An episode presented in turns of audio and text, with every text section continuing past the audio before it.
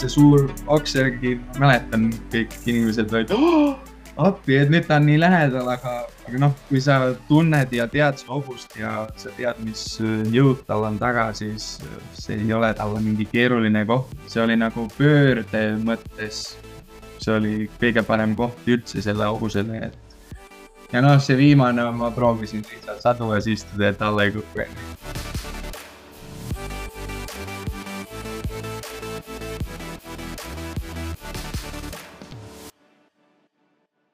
tere tulemast kuulama Hobumaailma podcasti järgmist episoodi, mina olen Mari-Helen.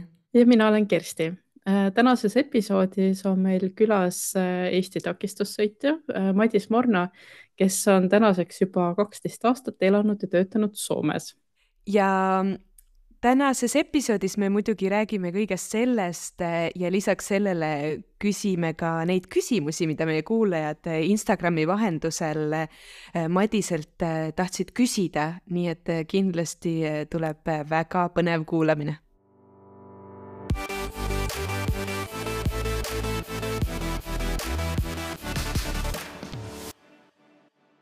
tere, Madis! tere hommikust!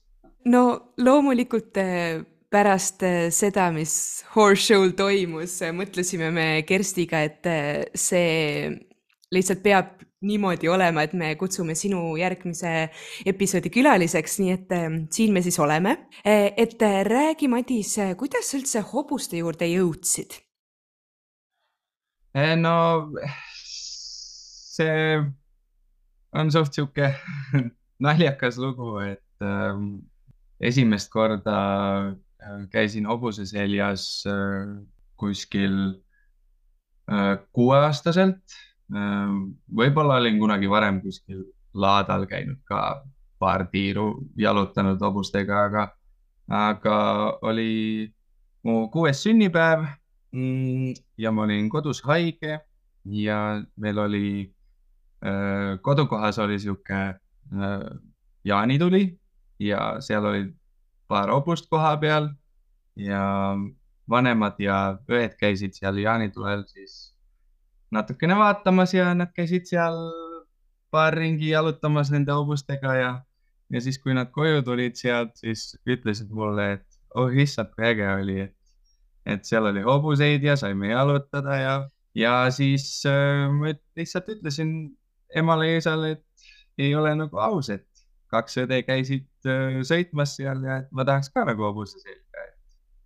ja mõeldud-tehtud, meil oli kodu lähedal sihuke võib-olla viissada meetrit oli sihuke turismitalu, kus oli alati suvel öö, äh, mõned hobused, need olid ratsalaagrid seal ja särgid-värgid ja. ja siis öö, äh, jah, isa korraldas selle, et ma saaks sinna minna üheks tunniks või pooleks tunniks või ma ei mäleta, mis ta oli, mingi sihuke imelik, imelik karv sai sõita seal või noh, talut-, talutati ringiratast ja, ja sealt ta tegelikult läks, et ma hakkasingi lihtsalt käima seal turismitalus aitamas igast erinevate töödega. Ja siis ma sain alati vastutasuks natukene ratsutada. mis äh, kandi poiss sa oled muidu? Äh, Aegviidust. okei okay., ja kuidas, äh, kuidas niimoodi natukesest ratsutamisest sai tõsisem hobi või sport? no eks ta rohkem ikka sihuke hobi oli äh, suht pikalt, et Ähm, et, et, et esimese sellise õige võistlushobuse ma sain alles viieteistaastaselt äh, ähm, või kuueteistaastaselt isegist, et äh, päris, päris pikalt läks ikkagist äh, nagu aegamööda sellega, et me käisime lihtsalt põldudel galopeerimas ja proovisime kuskil võistlustel ka käia, aga ega sellest väga midagi erilist ei tulnud, et olin tavaliselt seal lõpus alati. minu meelest sa oled siin nüüd liiga tagasihoidlik, sest et sa tulid ju juunioride meistrivõistlustel teisele kohale. Äh, no jah, aga see, ma arvan, et siis ma olin seitseteist, kaheksateist. see oli see üks hobune, mis äh, võib-olla natukene avas paremini mulle seda äh, nagu sport, spordi poolt äh,. selline hobune nagu Ellips kes äh, jah, tegelikult äh, jah, pakkus mulle sellise variandi, et saaks päriselt ka hüpata ja võistelda ja, ja, ja, ja, ja mingisuguseidki tulemusi endale. aga noh, siis tollel ajal võib-olla ei olnud päris sellised võimalused üleüldse inimestel nagu tänapäeval on. siit on ikkagist juba viisteist aastat. kes su esimesed äh, treenerid olid mm,? esimesed treenerid, no neid on, selliseid on olnud palju, aga mm, alustasin päris alguses äh, jänedal sõitmisega äh, Ene Neimla ja Urve Robal ja, ja, ja sealt ma liikusin edasi. ühe suve treenisin Madis Niinemetsaga. pärast seda Andres Uudekülliga ja tegelikult jah, nojah, Pille Elsoni trennides käisime ka kunagi. aga, aga suht sihuke, kui ma nüüd vaatan ajas tagasi, siis äh, ei ole võib-olla olnud nii väga nagu sihuke planeeritud äh, tegemine ja, ja nii selline sihikindel töö hobustega, aga mõnes mõttes ma arvan, et see on ka hea asi, et, äh, et me oleme igast hullu pannud hobustega galopeerinud kuskil tihedas võsas ja üle põldudel ja ükskõik kus kohas. Täie galopiga jõkke ja jõest läbi ja et mingi sihuke äh, nagu hea julgus äkki tulnud sellest. mis äh, hetkel, noh, kui sa kirjeldasid seda, et, et galopitanud põldudel, siis võiks ka paralleele tuua võib-olla kolmevõistluse või kestvusratsutamisega, aga mis sind ikkagi takistussõiduni äh, viis? no see tegelikult äh, eks noh, takistussõit on mulle kuidagi olnud selline ala, et mind on väga vaelunud äh, see, kuidas inimesed saavad hobustega loodud selle koostöö ja ületatud äh, suured tõkked ja, ja Stale nagu selles mõttes äh, võib-olla noh, mõnes mõttes natukene lihtsam, muidugi nüüd ma ei ütle, et see on jube lihtne aga, aga näiteks koolisõidus oleks palju rohkem vaja kannatlikkust, et äh, ja takistussõidu puhul muidugi on kogu aeg palju võistlusi äh, igal pool ja, ja rohkem, rohkem variante nagu võistelda, et äh, eks need võistlused ole rohkem nüüd see tänapäeval nagu see motivatsioon, miks ma, miks ma tegelen sellega. kui sa siis lõpetasid keskkooli, et enamasti inimesed siis lähevad kuhugi välismaale või tööle või edasi õppima. kuidas sa Soome jõudsid, et võib-olla alustaks siis ka selle peatükiga? Äh, no tegelikult ma kohe otsejoones Soome ei tulnudki. Äh, pärast keskkooli kevadel ma läksin äh, Taani ühte väiksesse talli. see oli selline müügitall äh, ja äh, läksin sinna sõitma ja ma olin natukene kahe vahel, et kas ma lähen sinna äh, aastaks või ma olen lihtsalt ühe suve. ja siis seal oli väga ägedaid hobuseid ja väga-väga toredad inimesed ja kõik tingimused olid olid nagu head ja õppisin palju ja arenesin palju. sain võistelda peaaegu et iga nädalavahetus nende hobustega ja, ja oli hästi-hästi tore suvi, aga siis kuidagi suve lõpus tuli selline tunne, et, et peaks ikkagist minema ülikooli äh, ja mul oli koht olemas. ja siis ma jah, otsustasingi augustis, et, et august on mu viimane, viimane kuu seal ja siis ma käisin aasta aega Pärnu kolledžis, äh, õppisin ettevõtjaks ja, ja vaene tudeng, nagu ma olin, siis ma mõtlesin, et ma lähen äkki suveks tööle jälle, et ma võiks ju kuskile sõitma minna, et äh, kogu selle aja, kui ma Pärnus olin kolledžis, siis ähm, ma käisin võib-olla viis korda sõitmas kogu selle aja jooksul, et äh, olin suht, suht palju nagu eemal hobustest ja ja ma leidsin sellise tööpakkumise, et äh, Soomes üks suur tall, kus kasvatatakse hobuseid ja neil on palju täkkusid ja võistlushobuseid ja noori hobuseid vaja satulasse panna ja nii edasi ja nii edasi. et öö, äh, otsivad sõitjat. Ja siis öö, äh, võtsin ühendust ja läksin sinna. Mm aga see plaan oli, et ma olen lihtsalt nagu suvekuud ja ma ütlesin neile, et ma olen kolm kuud ainult. et siis ma lähen tagasi, et jätkan oma kooli ja ma olin öö, äkki kaks nädalat olnud seal ja ma ütlesin, ma pean korra Eestis käima ja et ma tulen kohe tagasi. kõik vaatasid ja ütlesid, et noh, ma ei usu, et sa tagasi tuled siia enam. mõtlesin, et miks, mis mõttes, et ma ütlesin, ma tulen tagasi, ma tulen tagasi ja siis ma olin nädal aega Eestis ja läksin tagasi sinna ja kõik olid üllatunud nägudega. ahah, päriselt tulid tagasi, okei okay,, ja. ja, ja, ja siis äh, jah, kuidagi see tundus, et on nagu äh, mulle sobilik koht ja, ja töö ja töö pakkus piisavalt pinget ja, ja sai väga palju ise mõelda ja organiseerida ja teha asju ja, ja, ja, ja nii ta läks. kolmest kuust tuli aasta ja teine ja kolmas ja mis nüüd on kaksteist aastat.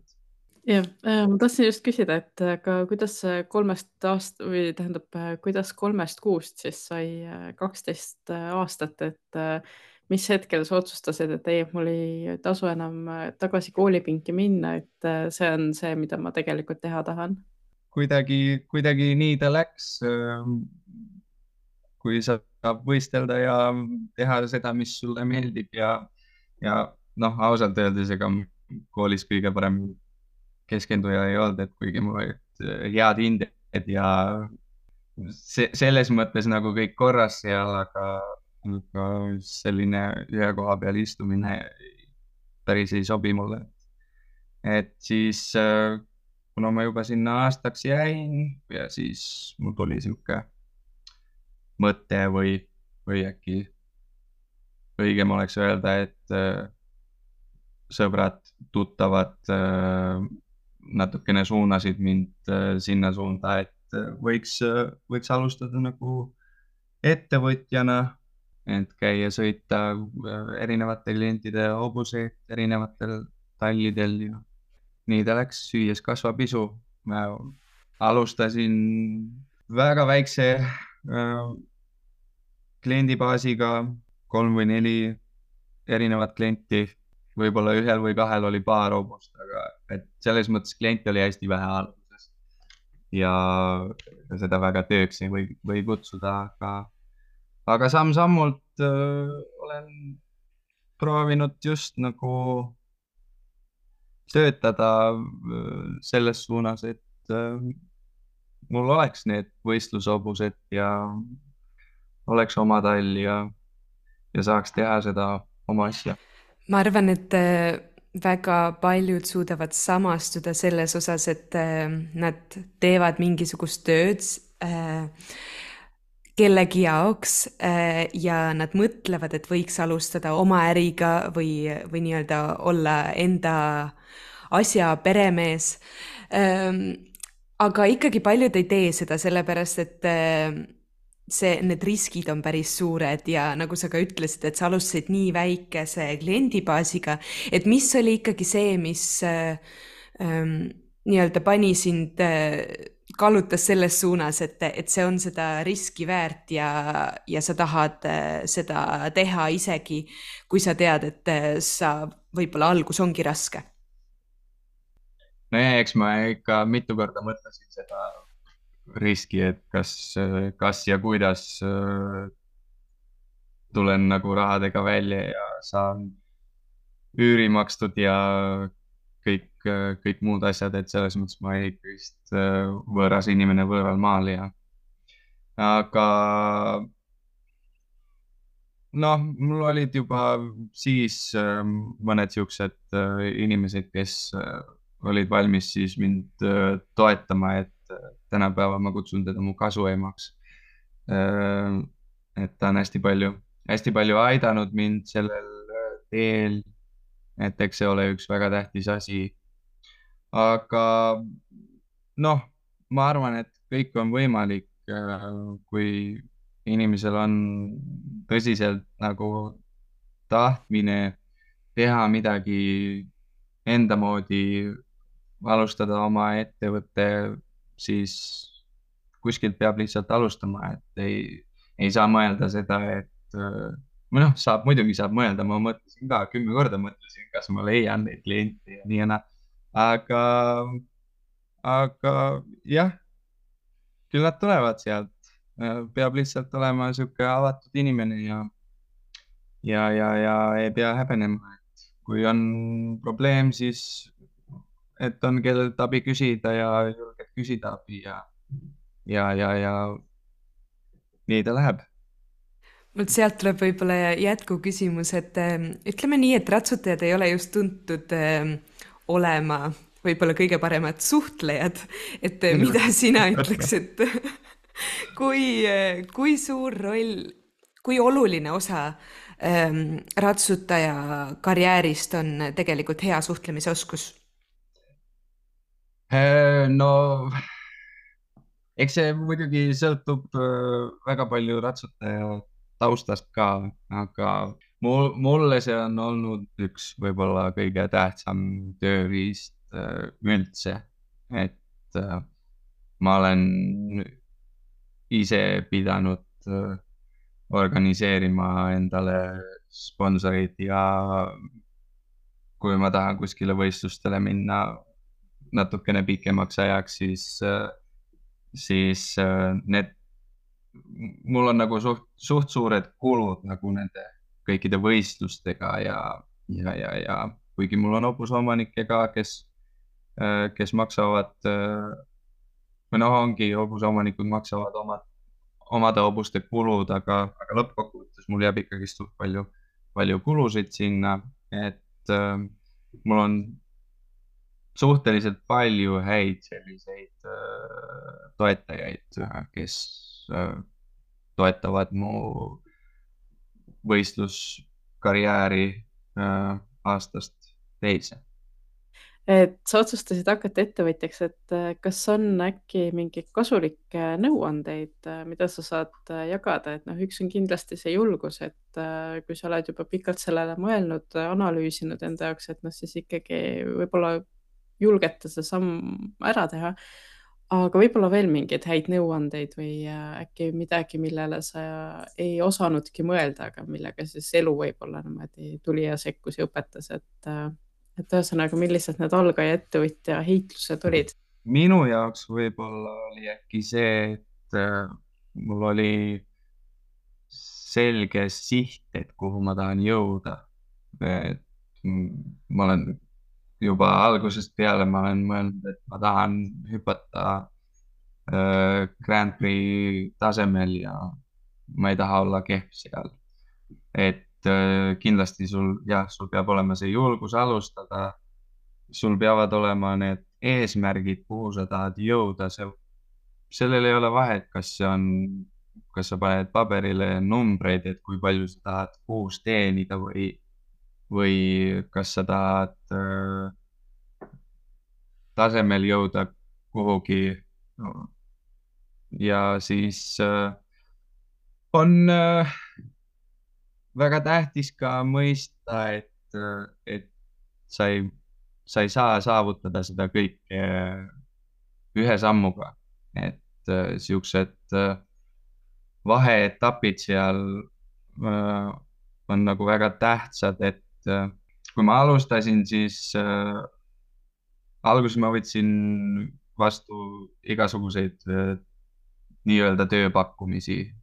käisin vahest sõitmas koolisõiduhobuseid, hüppasin nendega äh,. käisin, aitasin mingite sihukeste natukene hullikestega, tegin igasuguseid asju ja siis äh,, siis kuidagi tuli selline, et äh, ma hakkasin äh, noori hobuseid sadulasse panema ja mul oli paar sellist võistlushobust ja enamus ajast ma tegingi neid noori ja üks murdosa oli siis neid nagu päris, päris hobuseid, millega sai sõita ja võistelda.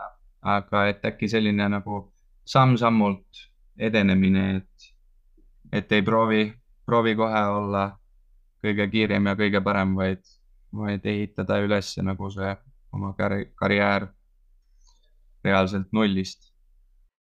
Äh, ma võib-olla küsiks ühe mm, küsimuse, mille me saime äh, läbi äh, Instagrami. kas sul on olnud ka aegu, ütleme siis sellest turismitalu aegadest kuni praeguseni, kui sa tahad katkestada? Ja mis sinu otsust on muutnud ehm,? ja, on väga mitmeid kordi äh, on äh, tulnud selline tunne, et, äh, et nii palju tööd ja vahest mitte ükski asi ei lähe nii, nagu sa loodad või soovid. et on olnud, on olnud, on olnud väga-väga-väga mitu korda, et ega see lihtne ei ole, eriti veel, kui on kodus oma tall ja meil on kaksteist hobust siin ja äh, me elame selles nagu kakskümmend neli seitse, et, äh, et aga peab lihtsalt äh, piisavalt tahtma midagi ja sellest saab ka jõudu jätkata ja, ja vahest jah, võib-olla mõnikord selliseid nädalaid ka, et ei, ei jõua kohe üldse, aga, aga töökas rahvas, nagu me oleme, eestlased, siis äh, teeme lihtsalt tööd ja, ja üks päev hakkab päike paistma jälle ja, ja kõik on hästi. aga ma arvan, et see on täiesti normaalne, ükskõik milliselt või kellelt, äh, milliselt ratsutajalt või, või ükskõik kellelt me küsime, siis elus vahest on keerulisi aegu ja kui motivatsiooni üldse pole ja, ja väga tahtmist ka pole midagi teha ja et, et, et nendest olukordadest peab lihtsalt ennast välja töötama. jah, paraku siin vist äh, mingit äh, lihtsat nippi ei ole ei, ei kahjuks ei ole jah.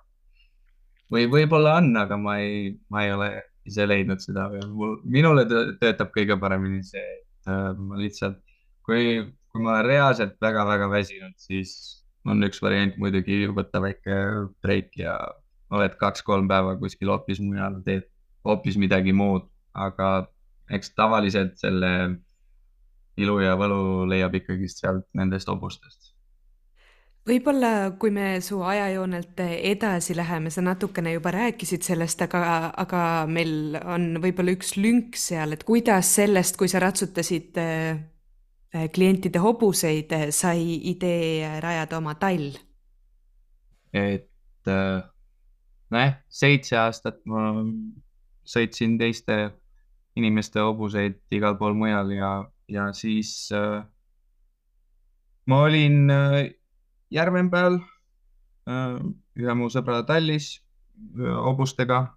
mul oli juba viis-kuus sihukest võistlushobust seal, aga siis äh, üks teine sõber lihtsalt pakkus, et äh, siin lähedal on sihuke tall, kust eelmine üürnik äh, kolib välja ja et äh, kas tahad äkki üle võtta ja ma arvan, et see oli kuidagi lihtsalt nagu jube sobival ajal ja äh, sobilik pakkumine mulle, et äh, mul suht tihti õnnestuvad kõik siuksed asjad nagu juhuslikult, et äh, piisavalt avatud äh, meelega, siis jah, inimesed pakuvad sulle asju ja, ja tavaliselt need on kõik nagu äh, lõpuks nagu väga positiivselt äh, välja tulnud jällegi võib-olla see näitab seda, seda nagu sa enne ütlesid, et eh, step by step, et eh, võib-olla kui inimesed eh,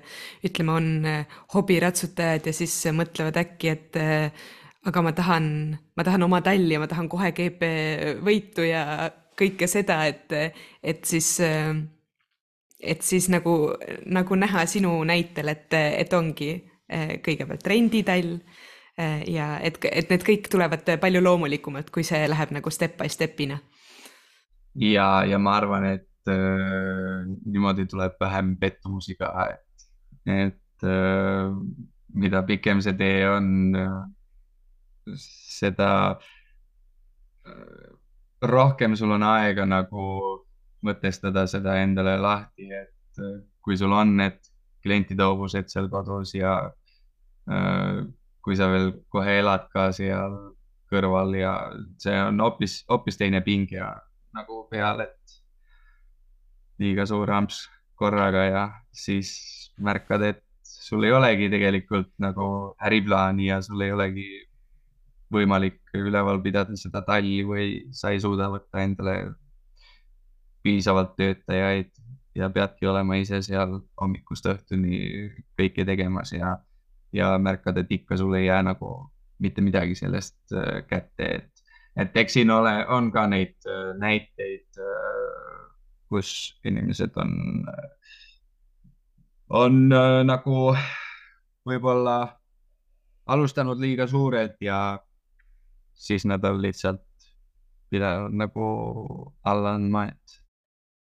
nii on kui palju sa ise tallis äh, neid igapäevatöid ja asju teed või kui palju sul on töötajaid, kes sind aitavad?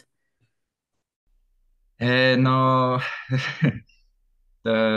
mul on üks töötaja, no mul on suhteliselt väike tall selles mõttes, aga me teeme tavaliselt niimoodi, et esmaspäevast reedeni me teeme koos talli, alustame hommikul tema alustab kell seitse, mina alustan kell kaheksa, siis kui lapsed on, on läinud lasteaeda ja puhast, noh, söödame, kopeldame, puhastame ka siin või need boksid.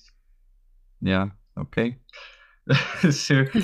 ma, ma just mõtlesin tegelikult ennem, et me hakkame seda intervjuud või podcast'i tegema, et äh, kui mitu korda mul lähevad sõnad sassi, aga okei okay,, see oli esimene kord ühesõnaga teeme, teeme suht palju koos.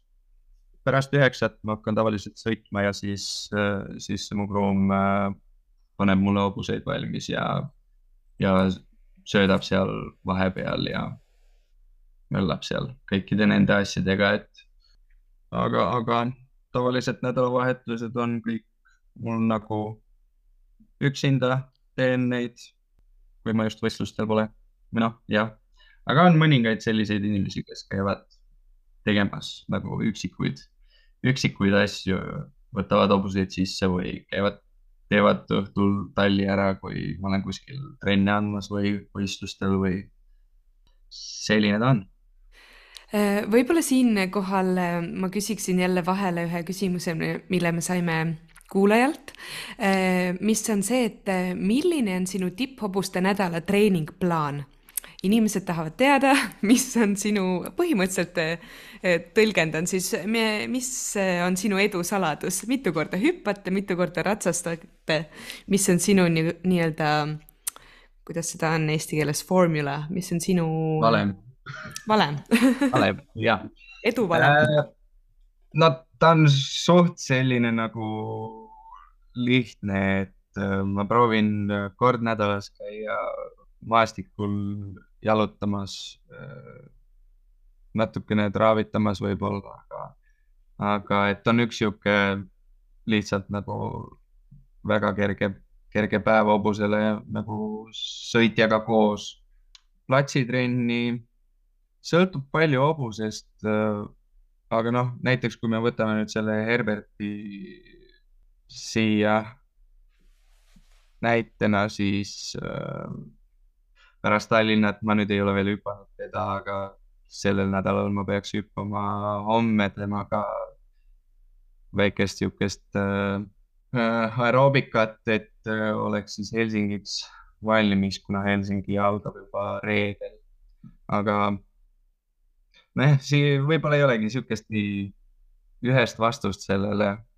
näiteks kui meil võistlusi ei ole, siis äh, minu hobused võivad puhata tegelikult ka kogu nädalavahetuse. et äh, ma ei näe, et nad peaksid olema iga päev äh, töös või korde otsas või midagi sellist, et sihuke tasakaal sellel tööl ja puhkusel peaks ka nagu ikka olema. Kui meil Herberti peale juba jutt läks, siis räägi, kuidas Herbert sinu ellu tuli um,? ta tuli viieaastaselt uh, mulle. tegelikult asi käis päris ruttu, et um, üks mu sõber helistas mulle ja ütles, et kuule, et mul on siin äh, põllu peal üks, üks äh, päris äge viieaastane, aga hästi-hästi toores, et, et tundub nagu oleks kolmeaastane või noh, nibin-nabin nelja-aastane. ja siis mõtlesin, et nojah, okei okay,, tooge siis siia. siis äh, nad tõid selle hobuse mulle ja proovisin sõita ja vaatasin, et noh, okei okay,, et ma nüüd väga täpselt ei tea, kui palju ta on nagu, teda on üldse sõidetud ja tunne oli selline, et äh, noh, sul on esimene ots ja tagumine ots ja siis sa istud seal kuskil lihtsalt ja äh, ja et jooksis, jooksis otse üldse, et äh, oli sihuke, no ikka väga-väga toores ja siis ma vist esimese kuu aja jooksul ma ei hüpanud taga mitte ühtegi tõket, sest tunne oli kuidagi sihuke, et, et nüüd on äkki see hetk sellele hobusele, et peaks lihtsalt alustama nagu täiesti nullist. et, et, et ja jah, sealt hakkasime vaikselt tööle ja, ja siis, kui ma hakkasin temaga hüppama, siis mõtlesin, et ossa raks, sihuke hobune nii et see tunne tuli päris alguses, et äh, temas on midagi erilist? ja, võib küll öelda nii jah, jah. Äh, hästi palju skoopi hobuses ja, ja hästi sihuke elastne, et äh, kui ta ei suutnud oma keha kontrollida platsitrennis mitte nagu üldse. vahest see tunduski, et ta ei teagi, mitu jalga tal on ja kuhu poole ta peab liikuma ja mis pidi ta peab liikuma. aga kuidagi hüpete peal see tundus nii nagu loomulik ja see oli nagu, andis, andis väga hea tunde sadulasse. Ma küsin äh, siis veel Herberti kohta, kas vastab tõele, et äh, Herbert äh, tuleb Eestist? jah, mingil moel küll. Herbert on ostetud Soome Maris Suustrilt. Maris leidis ta kuskilt Hollandist. kas me räägime siis nii-öelda elevandist ruumis ehk horse show'st, lähme selle teema peale ähm,. Nii et äh, ma ei tea, ma ei tea isegi kuidas, mis otsast alustada, et, et ähm, ma ei tea, kas võib-olla esimene küsimus mul olekski, et kas, kas sul oli eh, kohe enne võistlust juba tunne, et, et siit võib midagi tulla? noh, ei või no, no. ole on... aus, ole aus olen, olen aus, ma proovin olla aus alati.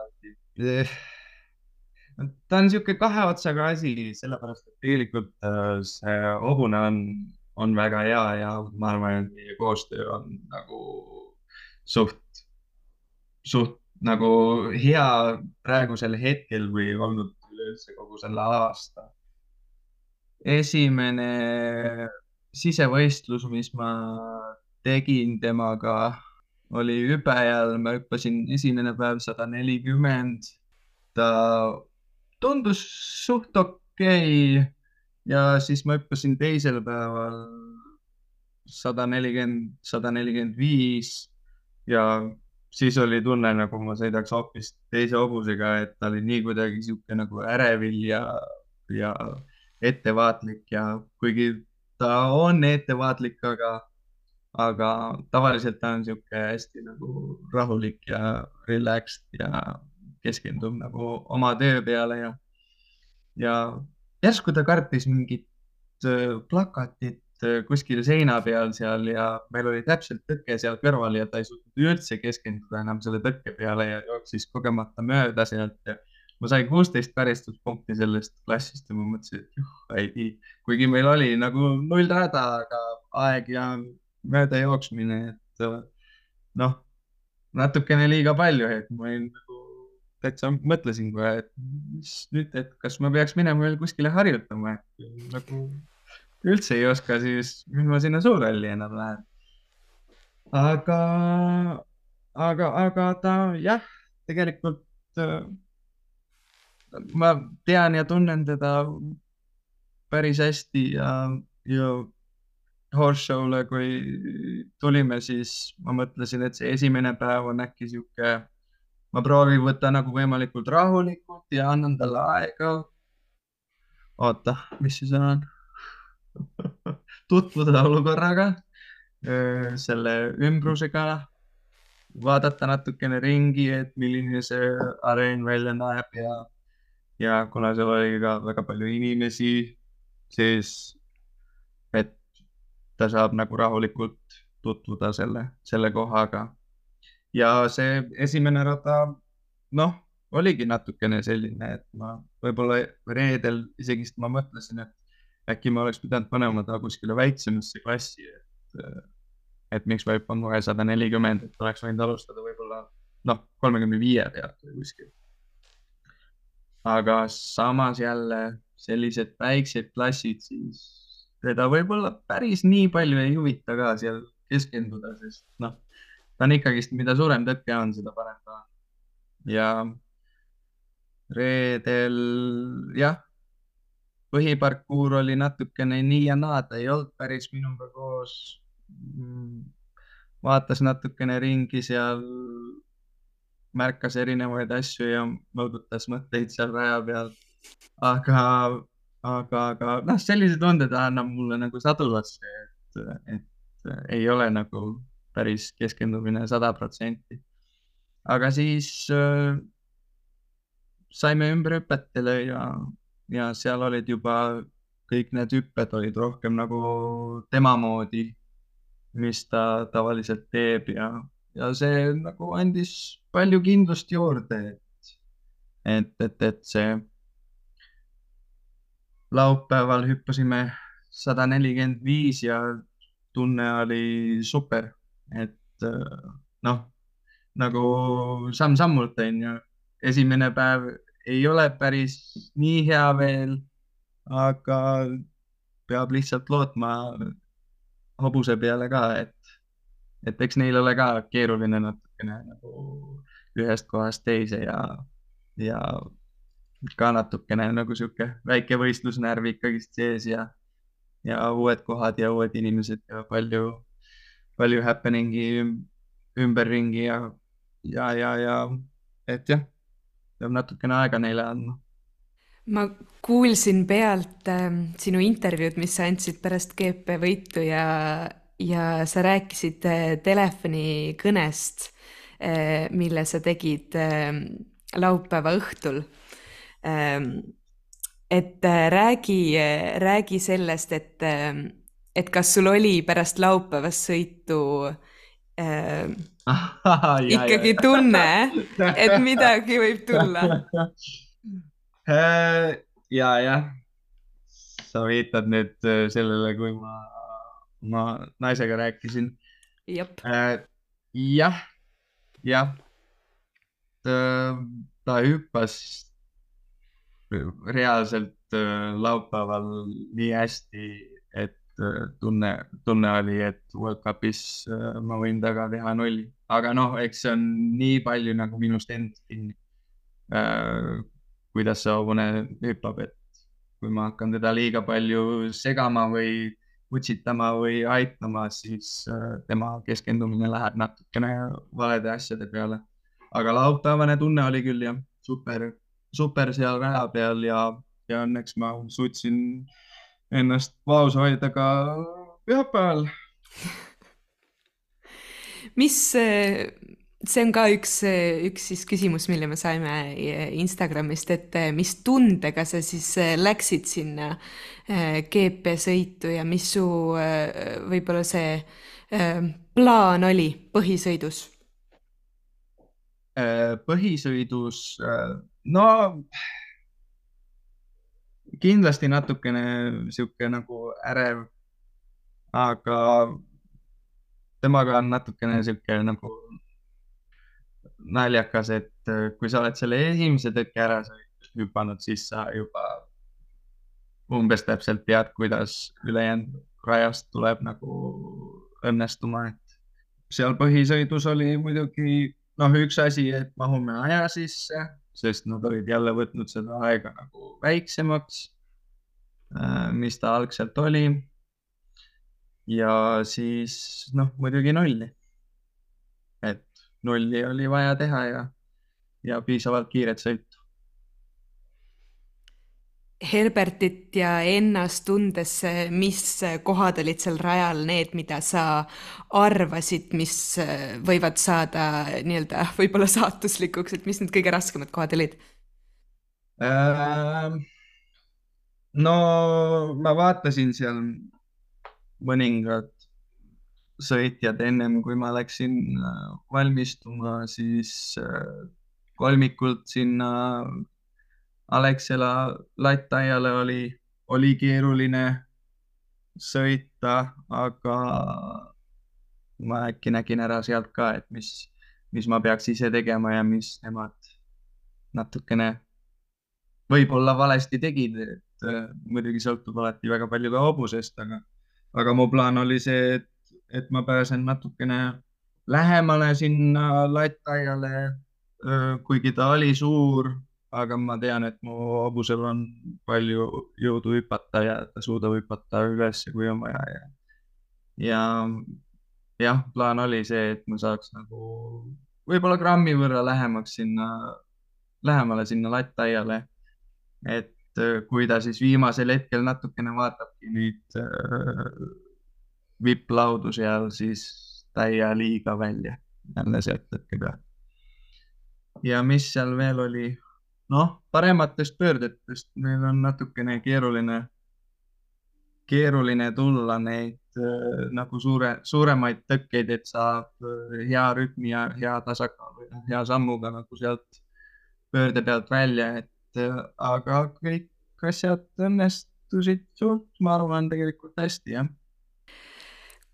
kui sa olid ainukene eestlane, kes sai ümberhüpetele ja sa olid ka viimane.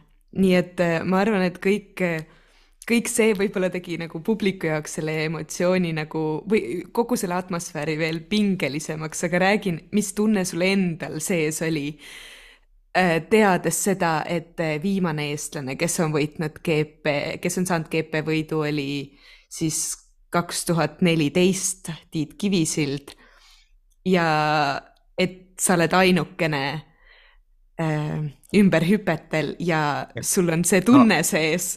kuidas see kombinatsioon oli? ei, ma ei jõudnud isegi sellist asja mõelda seal, et äh, pärast seda põhiparkuuri meil oli tegelikult suhteliselt lühikene aeg äh, nagu valmistuda ümberhüpetele, et ma ei olnud vaadanud veel seda ümberhüpete rada ma kasutasin kolm kuni neli minutit äh, selle peale kümnest minutist siis, mis meil oli vist antud, ma arvan. Äh, kasutasin selle raja lahti mõtestamiseks ja, ja, ja, ja siis ma juba hüppasin tagasi hobuse selga ja ma vaatasin, et tuleb null ja mis seal oli, belglasel kaks maas ja null ja null ja mõtlesin, joh, ei tea, ega siin väga varianti pole, et, et, et, et nüüd ma pean nagu, ma pean olema kiirem ja ma pean olema puhas ka, et äh, aga, aga jah, peab äh, proovima ikkagist või no ma arvan, et tegelikult võib-olla see kodupublik on ka see, mis äh, tegi natukene siukse emotsiooni ja tunde endale ka, et, et nüüd on, nüüd on nagu reaalselt see hetk, kui peaks andma kõik, mis anda on. mis ähm, nii-öelda plaaniga äh, sa läksid äh, siis äh, ümberhüpetele, noh, sa ütlesid, et peab olema kiire ja äh,, kiire ja puhas, aga, aga ütleme see, et sinu sõidu ajal, noh, vähe sellest, et niikuinii kõik oleks hinge kinni hoidnud, aga ka need mõned takistused, kui sa vaatad neid järgi, olid nagu kuidagi kõik lihtsalt nagu, nagu öeldakse, nagu tähed joondusid äh, ja kõik läks nagu täpselt nii, nagu me kõik lootsime. aga, aga kas sa olid ka seda nii plaaninud ja mis plaaniga sa tegelikult äh, läksid? Äh, no tegelikult ma ütlen ausalt, et äh, mul, mul ei olnud sellist äh, otsest plaani, et äh, nii, nüüd ma pööran siit ja ma pööran sealt ja äh, mu ainukene plaan oli see, et ma kasutan suuremat galoppi ja ma annan nendel tõketel tulla ja ma keeran sealt, kust mul on võimalus keerata, et, et esim-, esimesel, teisele, okei okay,, sul oli palju ruumi ja aega galopeerida seal, aga teiselt kolmandale ja kolmandalt neljandale olid, äh, nad olid ikka nii väiksed äh, praad, kus pidi pugema siukse suure, suure hobusega ja suure hüppega, siis äh, mm, tegelikult ma olin nagu selles mõttes õnnelik, et ma sain ta natukene sinna lähemale, see suur oksergi, ma mäletan, kõik inimesed olid oh, appi, et nüüd ta on nii lähedal, aga, aga noh, kui sa tunned ja tead su hobust ja sa tead, mis jõud tal on taga, siis see ei ole talle mingi keeruline koht ületada tõket, et, et see oli nagu pöörde mõttes, see oli kõige parem koht üldse selle hobuse hobusele, et kui ma oleks tulnud suure galopiga normaalsesse distantsi või jäänud natukene välja, ma ei oleks jõudnud keerata. ma oleks jäänud hiljaks selle pöördega ja, ja sama, sama seal lattaia peal äh,. täpselt samamoodi, et äh, ta võib vahest hüpata nii kaugele välja, et, et siis sa oled juba sellest äh, pöördekohast möödas, et, et mida rohkem sa saad selle hüppe tulema ülespoole, siis seda lihtsam on sul pärast tõket. see süsteem seal lõpus oli natukene sihuke üllatus, aga, aga õnneks ta lootis mu otsuse peale ja, ja noh, ütleme nii, et see ei olnud kõige, kõige suurem ja kõige äh, ebamugavam äh, tõke nagu hüpata talle, et, et see süsteem oli suht sihuke nagu kerge, kui nii võib öelda. ja, ja jah, lootis, lootis mu peale ja tegi, tegi töö ära nii nagu ta oskab ja, ja teab. ja noh, see viimane ma proovisin lihtsalt sadulas istuda, et alla ei kuku onju. kuidas see oli on, on, hakkad veel lõpus seal midagi näppima, siis ega sellest tavaliselt midagi head ei ole tulnud. mis tunne oli siis, kui sa maandusid ja vaatasid seda ekraani? ulme see oli väga ulmeline. ma ei tea, ma kaotasin mu stekigi ära ja see on, see on videos, kas sa oled selle tag-, kas sa oled selle tagasi leidnud?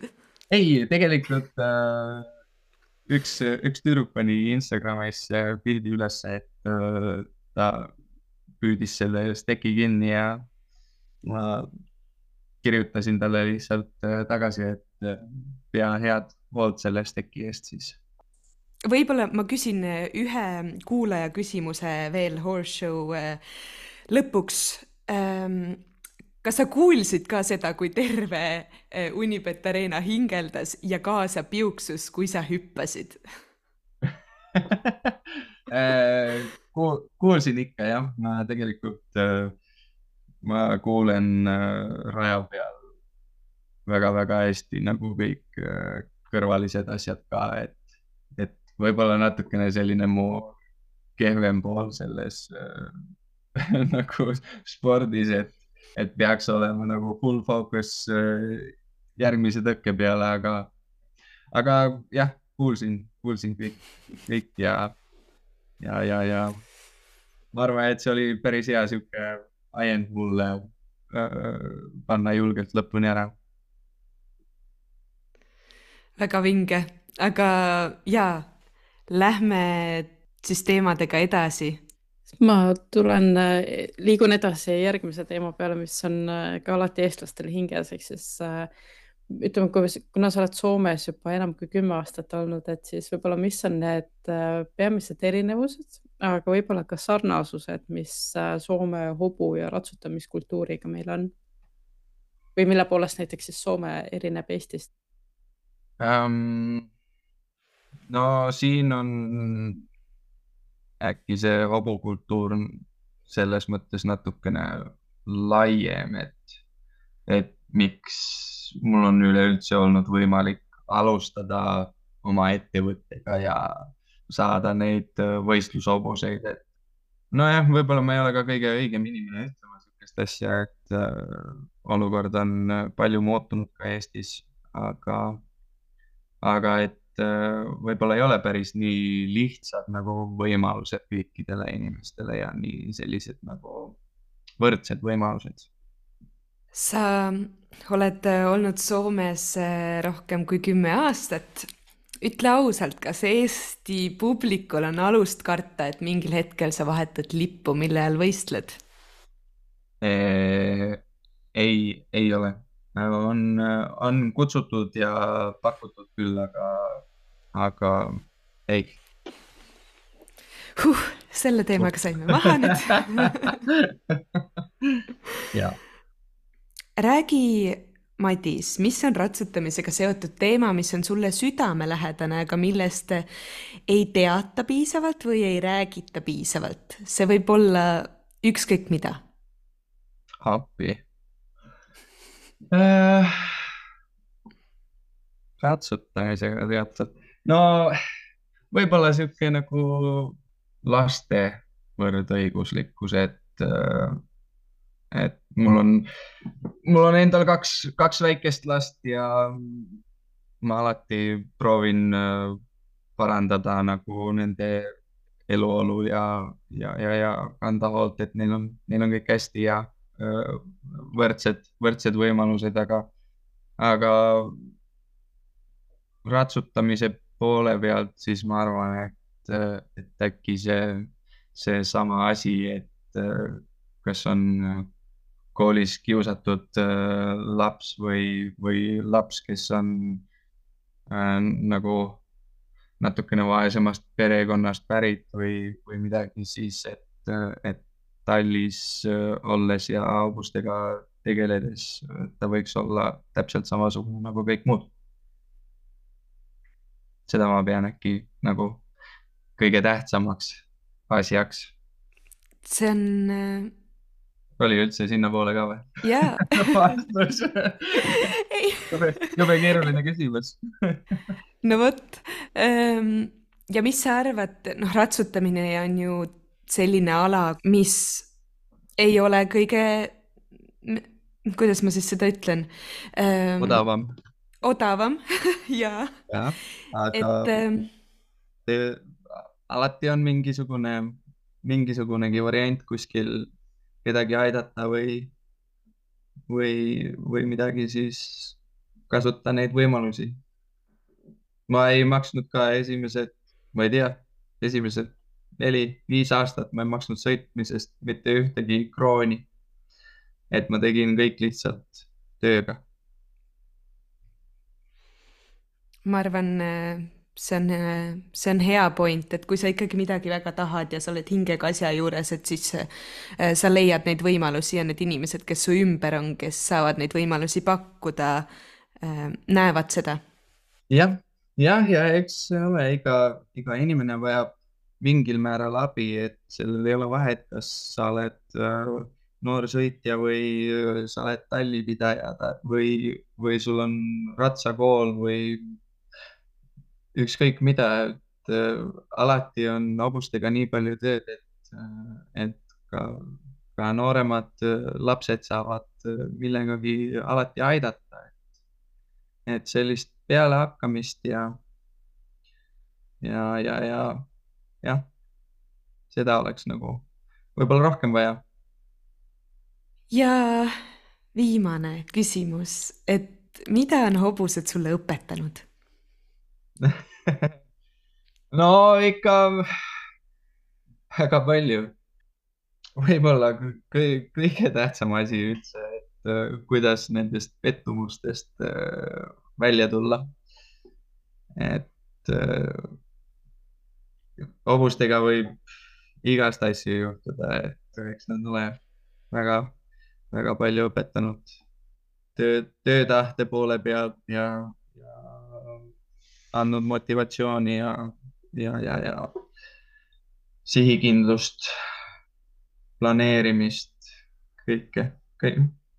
tegelikkuses kõiki selliseid asju, mida me vajame igapäevaelus.